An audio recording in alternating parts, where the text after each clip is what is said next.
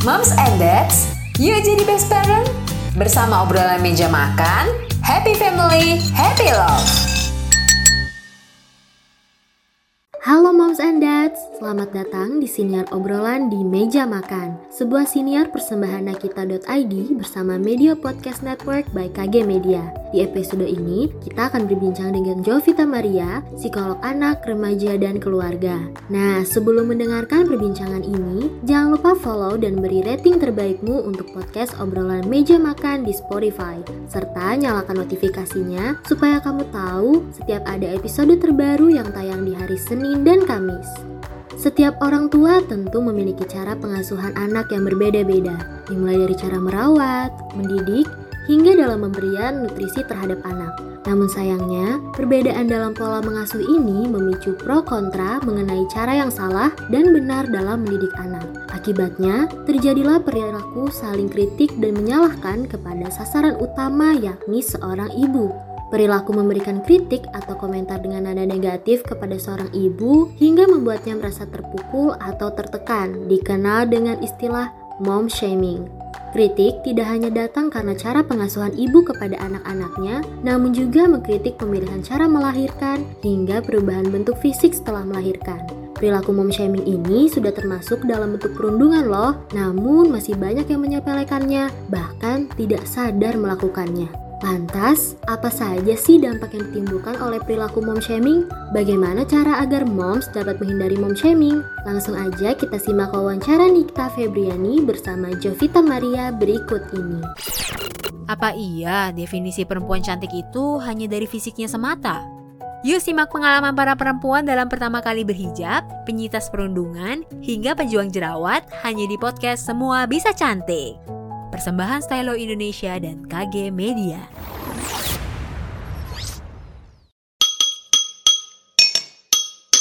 Halo Moms dan Dads pendengar setia obrolan meja makan. Senang sekali saya Nita Febriani, asisten editor Nakita ID bisa kembali menyapa Moms dan Dads semua di episode mengenai mom shaming, yaitu dampak dan juga cara mengatasinya. Masih dalam semarak ulang tahun Nakita yang ke-23 nih, Moms dan Dads, tanggal 6 April kemarin, Nakita ini sangat menyoroti mengenai dampak kesehatan mental kepada moms dan keluarga. Dan di podcast kali ini, Nakita akan membahas mengenai bagaimana mom shaming bisa mempengaruhi moms dan juga bagaimana moms bisa merespon mom shaming agar tidak berpengaruh kepada moms sehari-hari. Nah, saya nggak akan ngebahas ini sendirian karena di sini sudah bergabung bersama kita ada psikolog anak, remaja remaja dan keluarga Mbak Jovita Maria. Halo Mbak Jovita.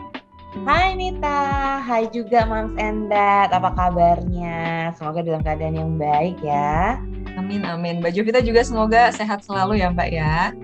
Amin. Nah, Mbak Jovita mungkin Mbak Jovita juga ngikutin nih beberapa belakangan ini banyak banget uh, berita tentang para ibu yang uh, efeknya karena depresi bahkan bisa sampai membahayakan keselamatan anak-anaknya. Mungkin Mbak Jovita juga pernah mendengar nih jagat media sosial dihebohkan dengan seorang ibu yang sampai menggorok ketiga anaknya karena depresi. Karena uh, setelah diwawancara dia mengaku bahwa nggak ingin nih buah hatinya tersakiti karena sering dibentak seperti dirinya dulu. Ternyata dirinya memendam perasaan bagaimana dulu sering dibentak dan juga itu mempengaruhi bagaimana dia um, mengasuh anak-anaknya saat ini dan juga nggak lama kemudian ada berita juga ibu yang uh, panik gitu ya dia panik bayinya hilang kemudian dia lapor ke mana-mana setelah ditelusuri ternyata bayinya ditemukan di dalam sumur dibuang oleh ibunya sendiri karena dia merasa nggak tahan dengan bullying yang didapatkan dari lingkungan sekitarnya karena ternyata uh, dia tidak bisa memberikan asi kepada anaknya kemudian dibully dan dibilang bahwa belum menjadi wanita yang sempurna. Gimana nih menurut Mbak Jovita tentang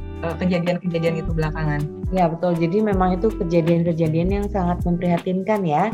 Uh, memang di luar uh, seseorang itu pasti memang punya yang namanya uh, suatu kepribadian tertentu. Jadi dalam diri seseorang itu ada kepribadian, kemudian ada juga eh, trauma-trauma mungkin yang dibawa dari masa lalu dan sebagainya. Tapi apa pun itu, nah biasa kemudian saat dia melakukan kegiatan-kegiatan nekat seperti yang tadi kita contohkan, itu pastilah biasa ada triggernya. Nah trigger itu bisa internal, bisa eksternal ya kan. Nah salah satunya adalah uh, eksternal ini adalah mom shaming seperti ini. Misalnya contohnya adanya pandangan atau kemudian judging dari lingkungan atau kritik atau penghakiman dari lingkungan yang cenderung selalu menyalahkan. Jadi ingat ya kata kuncinya adalah sering atau selalu. Kalau cuma sekali-sekali ya bisa aja mungkin karena si pelaku itu kehabisan bahan pembicaraan atau kemudian ingin mengatakan sesuatu tapi nggak tahu gimana caranya seperti itu. Tapi kalau ini terjadinya secara sering dan tujuan dari si pelaku itu memang untuk uh, membuat si ibu itu misalnya merasa bersalah, merasa nggak enak dan sebagainya, nah itu bisa kita katakan mom shaming. Tadi seperti yang dicontohkan oleh Nita tentang kasus-kasus yang terjadi, memang secara kepribadian orang tersebut ada kerentanan ya atau keretakan dalam dirinya, tapi juga dipicu dengan kondisi eksternal. Misalnya tadi salah satunya adalah tuntutan lingkungan. Oleh karena itu hari ini kita mau bahas bahas nih tentang mom shaming ya Nita ya. Iya betul banget Mbak Jovita. Nah sebenarnya Mbak Jovita aku penasaran juga nih, kenapa sih uh, mungkin sebagai ibunya kita kan banyak banget nih pikiran kita ngurusin semuanya gitu. Bahkan dari masalah keluarga, rumah, anak-anak itu semuanya ada di ibu gitu pengaruhnya tapi uh, kadang kala kita juga lupa nih untuk memperhatikan kesehatan mental kita sendiri.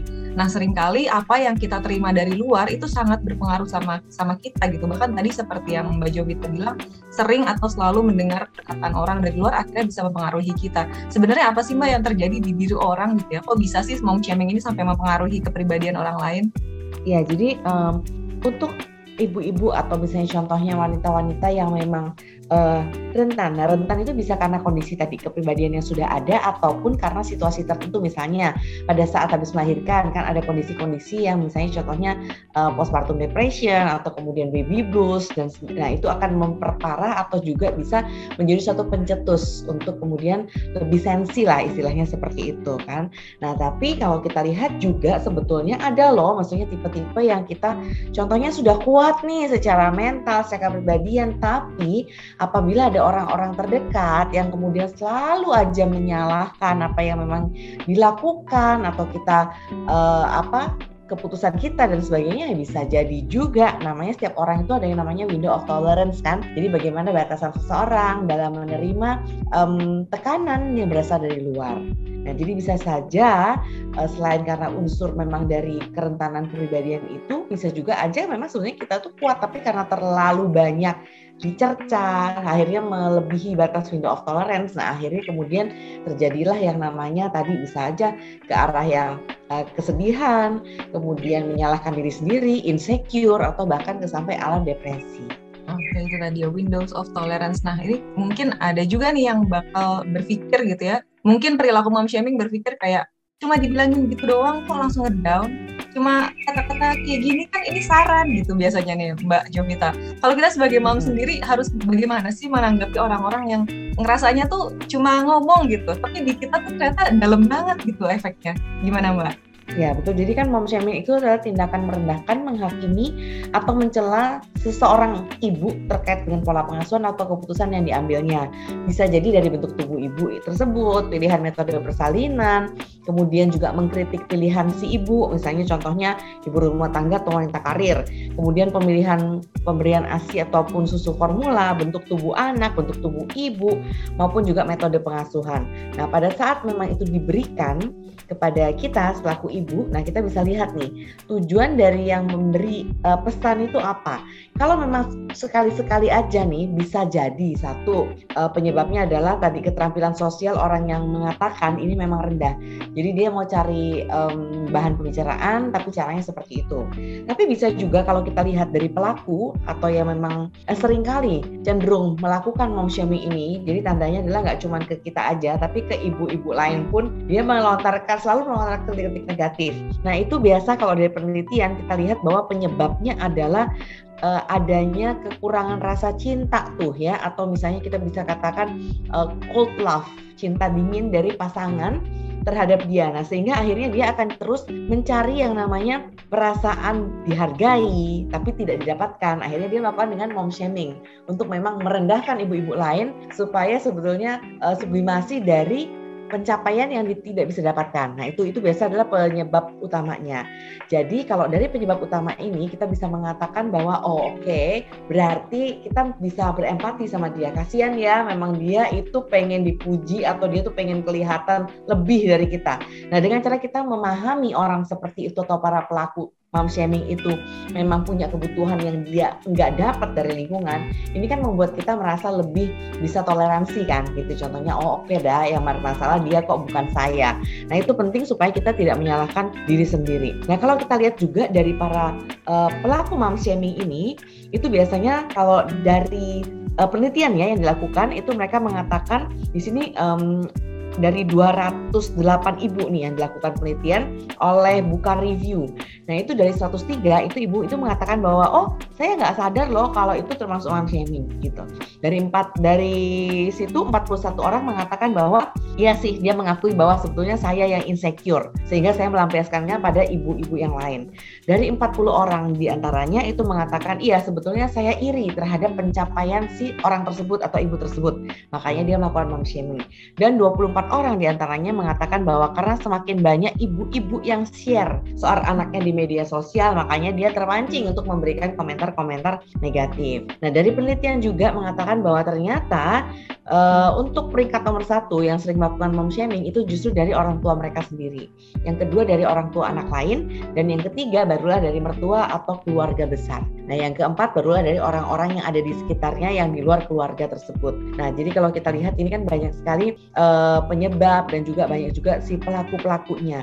Tadi sesuai dengan yang Nita tanyakan. Jadi harus gimana dong kalau misalnya melakukan menghadapi nih uh, mom shaming.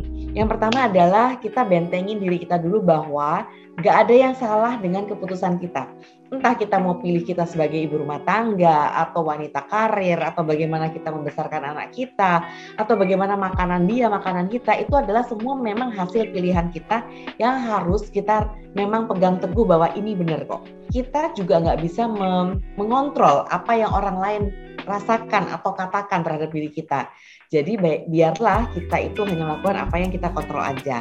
Kemudian yang kedua juga pahami bahwa memang seperti tadi ada ibu-ibu itu yang merasa baik kalau mereka tuh mengkritik orang lain. Kan ada ya sifat orang yang kayak gitu. Kayaknya uh, mulutnya gatel tuh kalau nggak ngeritik orang. Nah kita pahami bahwa oh ya oke okay, memang itu sifat dia oke okay lah gitu ya. Nah berikutnya adalah tutup telinga dari kritik-kritik orang-orang yang sebetulnya nggak ada fakta-fakta ilmiahnya juga. Karena mom shaming ini uh, sebetulnya kan ada pro and kontra ya. Jadi dari para pelaku tadi yang saya bilang, mereka bilang bahwa oh itu saya nggak tahu kalau itu mom shaming. Jadi ini artinya berkaitan sama pola komunikasi yang dimiliki oleh setiap orang. Nah, jadi bisa jadi bahwa dari orang tersebut maksudnya tidak untuk mengkritik, menghakimi atau mempermalukan, tapi dari kita si penerima pesan bisa saja bisa saja jadi kita yang menganggap seperti itu karena persepsi kita. Nah, oleh karena itu karena ini intinya adalah komunikasi, maka saya ada tips-tips nih bagaimana cara menjawab bagi mom and dad itu untuk memang memberikan jawaban kepada orang-orang yang ada di sekitar yang cenderung sering kali memberikan mom shaming terhadap dirinya moms nih. Nah, cara yang pertama adalah bisa hadapi langsung dengan asertif ya. Caranya misalnya contohnya katakan misalnya si pelaku tuh mengatakan bahwa ih kok gitu sih e, caranya ngasih susu ke anaknya? Aduh kenapa nggak asis sih? Kenapa sih support sih? Jadi misalnya contohnya seperti itu ya. Nah kita bisa hadapi dengan asertif. Contohnya memberikan uh, kata-kata berterima kasih. Oke, terima kasih ya buat masukannya, buat sarannya. Tapi aku emang melakukan itu memang karena berdasarkan keputusan aku. Jadi nggak apa-apa, aku terima aja pendapat kamu. Thank you banget udah perhatian. Tapi ya memang aku tetap melakukan ini, misalnya seperti itu ya. Nah jadi hadapkan secara asertif, bilang terima kasih. Nah ya cara yang kedua bisa juga moms itu senyumin aja orangnya gitu ya. Dengan disenyumin mereka juga akan diam dengan dirinya kok. Cara yang ketiga bisa juga dengan cara kita melakukan hal yang sebaliknya atau misalnya di uh, balikan ya. Contohnya adalah oh iya kamu emang the best mom deh, the best mom of the month misalnya seperti itu ya. Jadi disindir aja sekalian gitu. Itu juga boleh. Atau misalnya yang keempat dialihkan ke hal yang lain eh udah yuk kita ke taman aja yuk kita lihat teman-teman yang lain yuk mereka lagi ngobrolin apa sih seperti itu atau yang kelima bisa juga mas memilih cara adalah kalau ini berlaku untuk orang yang udah sering sering ngegas ya sama kita, kita boleh kok melakukan ngegas balik ya. Misalnya contohnya ini orang kayaknya julid mulu dan sering kali emang perkataannya mengganggu kita secara terus menerus, kita boleh kok tegur dia dengan cara ih itu termasuk mom shaming tahu kamu tahu kan mom shaming? Dan itu nggak boleh loh. Kamu nggak boleh loh biasa ngucapin kata-kata seperti itu. Itu bisa menyinggung perasaan orang lain termasuk menyinggung perasaan aku juga. Nah bisa kok mengatakan seperti itu. Itu nggak apa-apa banget. Dan silakan dari cara-cara antara 1, 2, 3, 4, 5 yang tadi saya sarankan ke mams dipilih yang mana yang paling mams rasa sesuai dengan tipe sifat mams sekalian dan bagaimana mams itu enak cara ngomongnya ya. Tadi ada lima cara silakan dipilih. Nah tapi kalau emang buat orang-orang yang emang sudah toxic banget nih jadi mom shamingnya itu dikatakan oleh orang toxic yang memang kita tahu emang dia sengaja banget buat ngejatuhin kita as a mom nah kita boleh kok menetapkan personal boundaries atau healthy boundaries. Jadi sepenuhnya itu ada di dalam kendali mams kalian. Jangan pernah merasa bersalah terhadap keputusan yang mams atau dad ambil karena itu adalah keputusan yang terbaik yang memang sesuai dengan kondisi dan situasi moms dan dad sekalian. Dan situasi itu nggak akan pernah sama antara moms yang satu dengan moms yang lainnya. Karena emang kapalnya berbeda. Karena emang kebutuhannya berbeda, situasinya berbeda, dan juga kondisinya berbeda. Gitu Nita. Wow, itu dia tadi mamsnya lengkap banget. Mulai dari apa yang biasanya mendorong perilaku mom shaming ya, dari orang lain. Tadi disebutkan oleh Mbak Jovita bisa jadi orang yang mem shamingkan kita itu justru dia lebih eh, bukan berarti dia lebih baik ya. Bisa jadi dia malah kekurangan rasa cinta, bisa jadi dia malah iri, bisa jadi dia malah nggak suka gitu yang ngelihat bagaimana kita justru menjalankan semuanya dengan benar dan baik sesuai uh, sesuai kepribadian kita. Dan kemudian Betul. tadi Moms juga mungkin perlu disaring nih ya. Ada yang mungkin hanya sesekali, kalau sesekali mungkin bisa di handle dengan baik. Kemudian ada yang sampai berkali-kali sampai toksik banget. Nah tadi juga Mbak, Jovita sudah memberikan beberapa cara untuk uh, tipsnya ya untuk menghindari shaming nggak menghindari ya ada yang justru dihadapi langsung dites balik aja gitu kan yang Mbak Jovita ya hmm, betul kemudian banget. juga buat merespon perilaku shaming juga penting banget untuk membentengi diri tapi Mbak Jovita seperti tadi Mbak Jovita bilang bahwa ternyata mom shaming itu nomor satu bahkan penelitiannya menunjukkan orang tua sendiri yang melakukan hal itu nah sering kali ya. nih Mbak Jovita aku juga bahkan mungkin merasakan ya kalau orang tua itu mom shamingnya mungkin uh, punya intensitas untuk diturutin juga gitu. Kayak misalnya uh, kok nyusuinnya kayak gitu sih caranya? Ibu tuh dulu gini caranya kamu gini juga gini juga gitu. Akhirnya sampai sampai menjurus sampai kalau itu nggak diturutin itu panjang ceritanya tuh Mbak Jovita. Gimana tuh Mbak Jovita kalau buat yang gitu?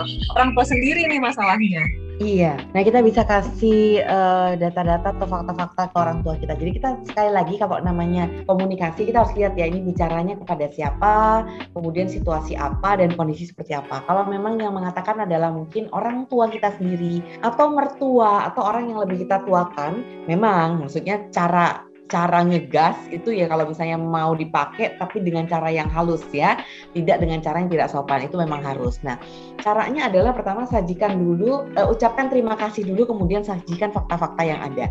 Nah, terima kasih ya Maya, udah ngasih aku masukan. Aduh, Mama emang the best banget deh gitu ya. Tapi untuk sekarang nih, Mam, uh, Mah misalnya, faktanya tuh seperti ini loh. Jadi kasih tahu ya. Misalnya contohnya tadi berkaitan sama pengasuhan anak, anaknya uh, orang tuanya bekerja pasangan suami istri bekerja, anaknya kemudian diasuh ke pengasuh. Kemudian orang tuanya atau si nenek dari si cucu ini datang ke rumah terus kemudian, aduh kenapa sih dititipin sama uh, asisten rumah tangga atau sama pengasuh? Kamu tuh nggak sayang anak deh. Coba lihat dulu mama anaknya enam aja ngasuh sendiri dan sebagainya. Nah misalnya seperti itu kan ya. Nah kita bisa bilang, aduh makasih ya Maya atas perhatiannya. Uh, aku seneng banget deh mama kasih aku masukan itu. Emang sih mah gitu ya uh, ngasuh sendiri yang terbaik tapi saat ini kondisinya adalah emang perlu saya dan suami bekerja bersama-sama. Kalau enggak kebutuhannya enggak terpenuhi nih mah, gitu lebih kasihan lagi kan ke anaknya misalnya. Terus kasih kasih aja data-data bahwa ini pengasuhnya misalnya udah pengalaman berapa lama kek atau misalnya kemudian kita juga ngambilnya juga dari sumber yang kita terpercaya, kita pasangin CCTV, kita pantau terus dan kemudian juga kita titipin kok worksheet worksheet edukasi buat anak kita. Jadi dikasih tuh fakta-faktanya supaya si orang tua ini juga akhirnya bisa belajar sesuatu yang baru. Oh iya ya ternyata era zaman sekarang tuh beda loh sama era zaman mereka dulu, ya kan? Di mana sekarang itu memang diharuskan, misalnya contohnya karena kondisi ekonomi yang memang semakin lama semakin membutuhkan uh, finansial yang lebih, akhirnya memang ini adalah cara terbaik dari kondisi yang ada dan sebagainya. Karena tadi eranya udah beda, kondisinya beda, situasinya beda, kebutuhannya juga beda. Betul, betul banget. Jadi penting banget ya Mbak ya untuk pede dengan pilihan kita. Bagaimana cara kita mengasuh anak, bagaimana cara kita mungkin dari mulai melahirkan metodenya seperti apa, cara pengasuhannya, cara menggendong, sebagainya kita sebagai moms tentunya paling tahu apa yang terbaik buat anak-anak. Jadi pede aja dengan pilihan kita ya Mbak ya. Betul, tapi ini yang perlu satu hal ya Anita, bahwa hmm. supporting dari pasangan itu penting banget. Jadi hmm. emang kekuatan terbesar itu dari pasangan. Katakan misalnya berkaitan dengan mom shaming, maka kekuatan terbesar dari seorang moms adalah suaminya ya atau dads gitu. Jadi saat orang-orang luar itu mengkritik misalnya walaupun sampai bertubi-tubi tapi kalau kemudian pasangan ini bisa menguatkan nggak apa-apa keputusan kita udah yang terbaik biarin aja mereka julid. Itu kayak diri diri kita sebagai seorang mams itu udah kayak ngecharge energi kita itu 80% dan kita akan merasa bahwa oke okay, nggak apa-apa karena pasangan aku pun mendukung. Gitu. Jadi pujian dari pasangan kata-kata penguat dari pasangan itu justru yang paling penting karena itu adalah memang super sistem utama dalam pengasuhan anak dan membesarkan anak jadi di sini untuk moms and dad saling bergandengan tangan ya untuk dads-dads yang ada dan mendengarkan disupport ya istri-istrinya gitu. Jadi jangan justru malah ditambahin bebannya, tapi justru dikasih uh, supporting dan selalu ucapkan thank you karena mereka udah menjadi ibu yang baik atau istri yang baik buat para dads sekalian di sini. Nah itu dia. Padahal aku baru mau nanya atau gimana nih cara suami bisa membantu istri ya ternyata begitu ya. Penting banget nih dads ternyata untuk ngebantu moms karena shaming nggak bisa dihadapi sendirian. Butuh banget juga tadi Mbak, eh, Mbak Jovi itu sudah menyebutkan butuh banget moms untuk menetapkan personal boundaries. Dan personal boundaries ini mungkin akan runtuh kalau dads tidak membantu jadi penting banget untuk dads juga uh, ikut bersama moms membentengi diri dan juga uh, bagi membantu moms untuk menghadapi lingkungan. Kalau misalnya memang lingkungannya sampai toksik banget bahkan peran dads itu bisa sampai kata Mbak Jovita merecharge mom ya supaya lebih pede lagi lebih tahan banting terhadap mom shaming Mbak Jovita terakhir dong ini juga mungkin uh, sering terjadi ya bagaimana seorang ibu bahkan melakukan mom shaming kepada dirinya sendiri membanding-bandingkan hmm. dengan orang lain dan akhirnya jadinya self shaming gitu. Kalau untuk menghadapkan seperti itu gimana Mbak Jovita? Ya, jadi kalau untuk justru kita yang memberikan me, apa merendahkan diri kita atau menghakimi diri kita sendiri atau dikatakan dengan self shaming tadi seperti yang kita katakan benar sekali. Nah, itu kita lihat nih derajatnya. Kalau emang udah yang tingkatannya parah banget terus kemudian kita sudah merasa uh, perasaan itu ada terus setiap hari. Memang perlu ke tenaga profesional untuk membantu. Tapi kalau misalnya masih merasa bahwa bisa ditangani sendiri, selalu pick up atau katakan kepada orang-orang terdekat yang ada di sekitar kita yang bisa memberikan suatu uh, support bagi mam sekalian. Jadi misalnya contohnya curhat aja ke sesama um, temennya yang juga mams. Misalnya contohnya gimana ya aku kok ngerasa nggak uh, bener terus ya dalam mengambil keputusan. Aku ngerasa aku selalu menyalahkan diri karena aku bukan mam moms yang baik karena aku suka misalnya ninggalin-ninggalin mereka keputusan misalnya pun ngelahirin misalnya sesar atau normal kan juga kadang menjadi ini ya suatu tekanan tersendiri ya buat para ibu ya. Misalnya contohnya aduh aku bukan ibu yang sempurna karena aku melahirkannya sesar. Enggak melahirkan dengan cara apa pun itu tidak membedakan bahwa yang satu menjadi sempurna atau enggak. Semua adalah sempurna semua moms adalah sempurna dengan metode yang berbeda-beda. Nah jadi terkadang kita itu saking tadi window of tolerance kita itu sudah saking sangat lemahnya karena tekanan yang banyak dari lingkungan, uh, kemudian juga dari peran-peran kita yang terlalu banyak di lingkungan sosial, terkadang memang membuat itu menjadi lemah. Makanya perlu disupport sama orang-orang lain yang ada di sekitarnya. Tadi salah satunya dari suami, tapi bisa juga dari moms-moms lain, dari teman-teman, bahkan juga dari uh, saudara-saudara sendiri. Yang penting adalah kalau kita merasakan bahwa kita sudah mulai self shaming, selalu cari orang terdekat yang bisa memberikan support sama kita. Itu yang pertama. Karena dengan kita curhat pun atau kita mengeluhkan sesuatu pun itu adalah suatu sebetulnya healing. Nah, terus kemudian dari orang-orang yang ada di sekitar kita yang suportif, yang kemudian mendengar kisah tersebut dari kita, dia akan juga bisa memberikan energinya, walaupun itu berupa kata-kata, berupa tindakan atau apa pun untuk mengisi uh, kekuatan dalam diri kita. Jadi tetap speak up, kasih tahu dan at the end adalah lakukan percayalah bahwa memang keputusan itu adalah keputusan yang terbaik. Kalau emang udah parah banget dan nggak bisa ngatasin, perlu ke tenaga profesional. Bisa diraih juga secara online kok, misalnya dengan psikolog, psikiater, konselor, ataupun uh, apa namanya tenaga profesional lain yang ada di sekitar mam sekalian. Dan satu lagi ini adalah berkaitan sama super system juga karena super system itu adalah hal paling penting. Pernah mungkin dengar ya namanya mam mom shaming bystander. Mom shaming bystander adalah pada saat seorang ibu dihina atau di, dihakimi, terus ada ibu-ibu lain tuh yang ada di sekitarnya kan, ya kan? Nah itu namanya bystander. Nah ini perlu dipahami bahwa bystander ini juga peranannya penting. Pada saat satu ibu kemudian mencela atau menghakimi seorang ibu dan dilihat orang yang lainnya atau saksinya gitu ya. Nah ini tergantung nih. Kalau teman-teman lainnya kemudian e, mengingatkan si pelaku, eh kamu nggak boleh gitu tuh mom shaming loh. Lagian terserah dia kenapa sih? Ini kan emang hak dia dan sebagainya. Nah akhirnya si pelaku ini next time dia akan pikir-pikir ulang tuh kalau mau melakukan shaming. Tapi sebaliknya, kalau emang orang-orang yang ada di sekitarnya justru ngasih hawa ke dia, justru kayak iya nih kamu gimana sih? Tuh kan dengerin tuh. Emang kayak gitu tuh. Makanya kamu nggak boleh ini nggak boleh itu. Nah akhirnya jadi ngasih hawa. Nah akhirnya justru si pelaku ini makin lama makin sering melakukan aksinya. Nggak cuma kepada si satu ibu itu tapi juga ke ibu-ibu lainnya. Jadi ingat ya untuk moms-moms yang ada di sini. Uh, kalau ada tuh pelaku-pelaku uh, mom shaming dan kita ada di sekitarnya kita perlu loh ngasih teguran juga. Karena dengan seperti itu kita juga sudah memberikan kekuatan bagi si korban mom shaming dan sekaligus kita mengingatkan si pelaku bahwa itu adalah perilaku yang seharusnya tidak dia Oke, itu dia kalau bisa aku ringkas ya dari percakapan kita pada episode kali ini Mbak Jovita, ternyata dampak mom shaming yang berlaku terus-terusan itu bisa sangat negatif ya buat para moms dan juga cara terbaik untuk menghadapinya adalah pertama hadapi langsung dengan cara asertif. Pertama bilang terima kasih dulu atas segala masukan dan juga komentarnya. Tapi jangan lupa juga untuk berani speak up dan juga kalau misalnya itu sudah sangat mempengaruhi moms, jangan takut untuk mencari support bisa dari suami, komunitas dan juga tadi Mbak Jovita menyebutkan bisa jadi tenaga profesional juga. Dan juga kalau misalnya lingkungan moms sudah terlalu toksik, jangan ragu-ragu untuk meninggalkan karena sebenarnya pelaku mom shaming itu belum tentu dia lebih baik dari kita.